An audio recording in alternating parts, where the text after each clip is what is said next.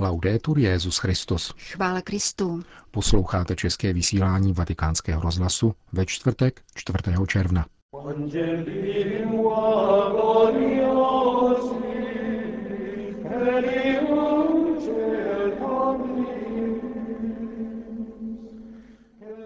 O Eucharistii, která umožňuje tvořit jednotu a zachovávat vědomí křesťanské důstojnosti, kázal dnes Petrův nástupce při liturgii slavnosti těla a krve páně. Druhá encyklika papeže Františka bude publikována 18. června, oznámilo dnes tiskové středisko svatého stolce. A na závěr rozhovor se státním sekretářem kardinálem Parolínem o nadcházející apoštolské cestě papeže Františka do Sarajeva. Taková jsou témata našeho dnešního pořadu, kterým provázejí Milan Glázer a Jana Gruberová.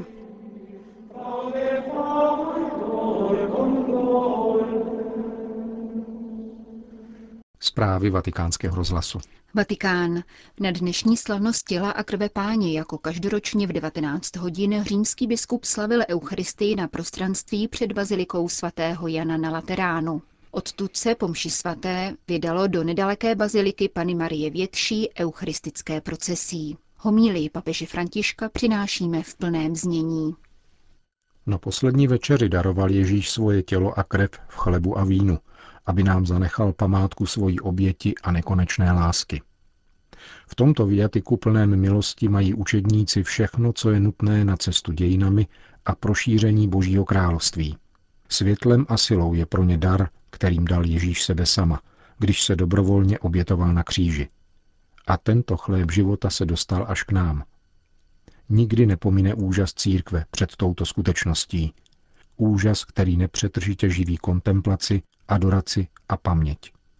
Dokládá to krásný text dnešní liturgie, responsorium druhého čtení z modlitby breviáře. Tento chléb, to je tělo, které vyselo na kříži. Tento kalich, to je krev, která vytékala z boku. Vezměte a jeste tělo Kristovo. Vezměte a píte krev Kristovu. Jste Kristovi údy. Abyste nepřestávali tvořit jednotu, jeste pokrm, který vás vzájemně spojuje. Abyste si byli vědomi, jakou máte cenu. Pijte nápoj, kterým bylo zaplaceno vaše vykoupení. Ptejme se, co dnes znamená přestat tvořit jednotu a nebýt si vědomi, jakou máme cenu, pokračoval papež František. Netvoříme jednotu, když se nepoddáváme pánovu slovu, nežijeme bratrství mezi sebou, soupeříme o první místa, nenacházíme odvahu dosvědčovat lásku a nejsme schopni nabízet naději. Eucharistie nám umožňuje tvořit jednotu, protože je poutem jednoty, naplněním smlouvy, živoucím znamením lásky Krista, který se ponížil a zmařil, abychom zůstávali sjednoceni. Účastí na Eucharistii a jejím přijímáním jsme na cestě, která nepřipouští rozdělení. Kristus, přítomný mezi námi ve znamení chleba a vína, žádá, aby síla lásky překonávala každou roztržku a zároveň poskytovala společenství chudým, oporu slabému, bratrskou pozornost vůči těm, kdo namáhavě nesou tíhu každodenního života. A co pro nás dnes znamená nebýt si vědomi, jakou máme cenu? To znamená rozředit svoji křesťanskou důstojnost, ptal se dále papež František.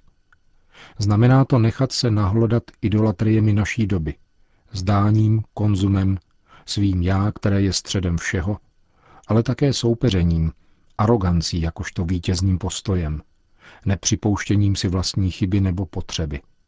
Tím vším se znehodnocujeme, stáváme se průměrnými, vlažnými a mdlými křesťany. Ježíš prolil svoji krev jako drahocenost a očistnou lázeň, abychom byli obmyti ze všech hříchů. Hleďme na něho, abychom si byli vědomi, jakou máme cenu. Čerpejme z jeho zdroje, abychom byli chráněni před skažeností. Pak zakusíme milost proměnění. Zůstaneme navždy ubohými hříšníky, ale Kristova krev nás osvobodí od našich hříchů a vrátí nám naši důstojnost. Bez naší zásluhy a s upřímnou pokorou budeme moci přinášet bratřím lásku našeho pána a spasitele. Budeme jeho očima, které hledají Záchea a Magdalénu. Budeme jeho rukama, které jsou oporou nemocným na těle i na duši. Budeme jeho srdcem, milujícím ty, kteří potřebují smíření a porozumění. Eucharistie tak aktualizuje smlouvu, která nás posvěcuje, očišťuje a sjednocuje v podivuhodném společenství s Bohem, pokračoval svatý otec. Dnes na slavnost Božího těla se radujme z toho, že toto tajemství nejenom celebrujeme, ale také chválíme a opěvujeme v ulicích svého města. Kež procesí, do něhož se zapojíme po této mši, vyjádří naši vděčnost za celou tu cestu, kterou nám Bůh umožnil projít pouští našich ubohostí, aby nás vyvedl ze servilnosti a sytil svojí láskou skrze svátost svého těla a krve. Za chvíli, až půjdeme ulicemi, vnímejme to společenství, které nás spojuje s mnohými bratry a sestrami, kteří nemají svobodu vyjadřovat svoji víru v Pána Ježíše. Vnímejme, že s nimi tvoříme jednotu, zpívejme s nimi, chválme spolu s nimi, klaňme se spolu s nimi. A ve svém srdci ctěme ony bratry a sestry, po kterých byla žádána oběť života za věrnost Kristu. Jejich krev, smíšená s tou pánovou, ať je zárukou pokoje a smíření pro celý svět. To byla homilie Petrova nástupce. Papež František se stejně jako loni hned pomši odebral v odkrytém voze do baziliky Pany Marie Větší, kde v soukromí čekal na příchod eucharistického procesí, aby na závěr udělil všem svátostné požehnání. Procesí božího těla bude zakončeno po 21. hodině. Vatikán. Tiskové středisko svatého stolce dnes vydalo krátké prohlášení, kterým chce zabránit zmatku vyvolanému šířením nepotvrzených informací v souvislosti s očekávanou publikací encykliky papeže Františka. Svatý stolec proto oznamuje, že encyklika bude publikována ve čtvrtek 18. června. O způsobu veřejné prezentace papežského dokumentu bude tiskové středisko informovat v průběhu příštího týdne. Paříž. V sídle Organizace spojených národů pro výchovu, vědu a kulturu UNESCO bylo ve středu zahájeno fórum pod titulem Výchova dnes a zítra. Jeho organizátory jsou stálý pozorovatel svatého stolce v pařížském sídle UNESCO Monsignor Francesco Follo a Kongregace pro katolickou výchovu. Sympózium se řadí do širšího rámce iniciativ probíhajících u příležitosti 70. výročí založení UNESCO, 50. výročí vydání deklarace druhého vatikánského koncilu o křesťanské výchově a 25. výročí publikace Ex Corde Ecclesiae a poštolské konstituce o katolických univerzitách Jana Pavla II. V pařížském sídle UNESCO včera po úvodním pozdravu generální ředitelky Iriny Bokové vystoupili kardinál Zenon Grocholevský, prefekt Kongregace pro katolickou výchovu a vatikánský státní sekretář kardinál Pietro Parolin.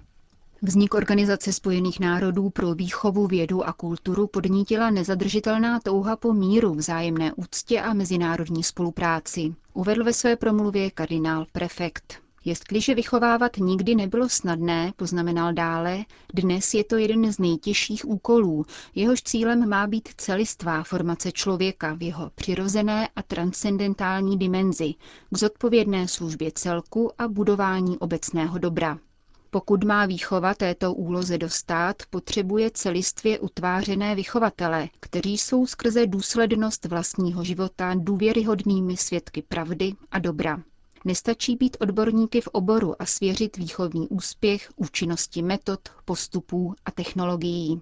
Kardinál Grocholevsky nezastíral, že snaha o výchovu pevně ukotvených lidí schopných spolupracovat a dát smysl svému životu často končí neúspěchem.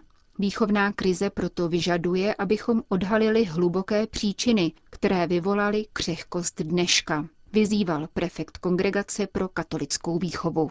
Podle stálého pozorovatele svatého stolce v pařížském sídle UNESCO má dnes výchova především předávat životní smysl a teprve na druhém místě usměrňovat získávání znalostí a poznávání kulturních rozlišností.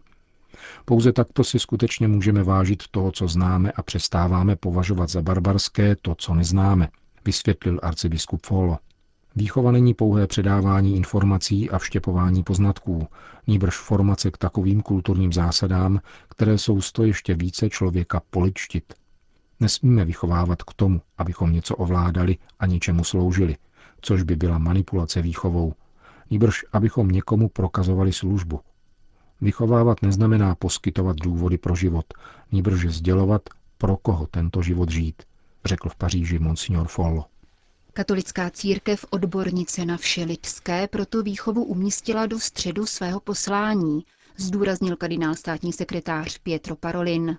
Církev nadále výchovu považuje za naléhavý úkol současné doby, která se na jedné straně vyznačuje globálními změnami a na druhé straně redukcionistickým postojem, v jehož rámci se všeobecný dosah výchovy omezuje na pouhý ekonomický aspekt. Současná hospodářská krize, dodal kardinál Parolin, zapříčinila ztrátu smyslu a v jejím důsledku sociální apatii ve vztahu k obecnému dobru a učinila to ve jménu minimalistické antropologie, jejímž prototypem je Homo economicus, a která dusí mezilidské vztahy a uvězňuje možnosti racionálního úsudku, pronesl vatikánský státní sekretář na půdě UNESCO. Vatikán. Pokoj s vámi, Takové je moto osmé mezinárodní apoštolské cesty papeže Františka, která jej tuto sobotu zavede do Sarajeva. Návštěva bosenské metropole bude mít bohatý program. Po setkání s prezidentem a státními představiteli bude papež sloužit mši svatou na městském sportovním stadionu. Poobědvá se šesticí místních biskupů v budově nunciatury a pozdraví kněze, seminaristy, řeholníky a řeholnice v Sarajevské katedrále. Poslední hodiny jednodenní cesty budou patřit ekumenickému a mezináboženskému setkání a návštěvě diecézního centra mládeže. Nad významem této apoštolské návštěvy se zamýšlí kardinál Pietro Parolin. Papež chce především povzbudit katolíky žijící v Bosně a Hercegovině a dále podpořit kvas dobra v oné zemi a vše, co prospívá přátelství, bratrství, míru a mezináboženskému dialogu mezi různými složkami ve státě. Je zajímavé si povšimnout, že zmíněná témata jsou vyjádřena jak v motu, tak v logu nadcházející cesty.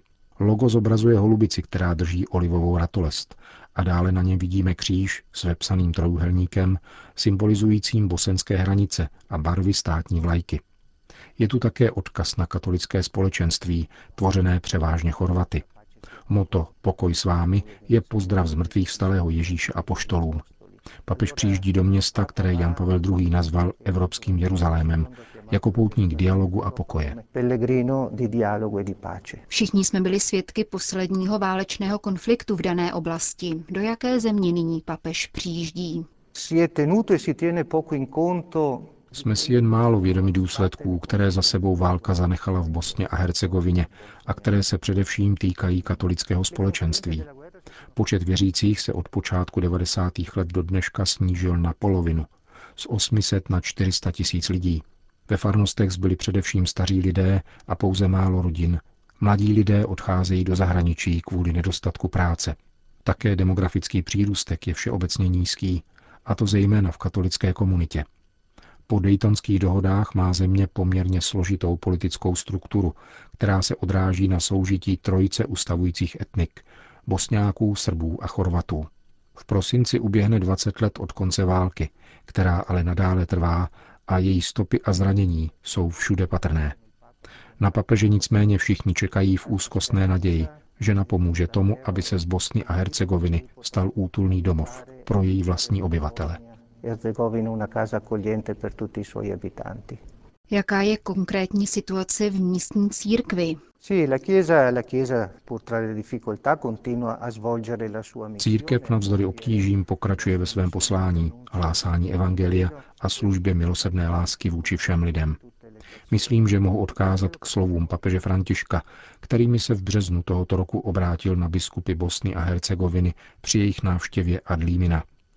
Řekl jim, aby především pomáhali chudým a nejslabším lidem – uskutečnili vše možné proto, aby zabránili emigraci mladých lidí, aby byli přítomni ve společnosti a vnášeli do ní svěžest Evangelia. Papež tedy místní církev vyzval, aby byla kvasem ve společnosti, byť je to společnost velmi složitá a z určitých hledisek obtížná. Insomma, una.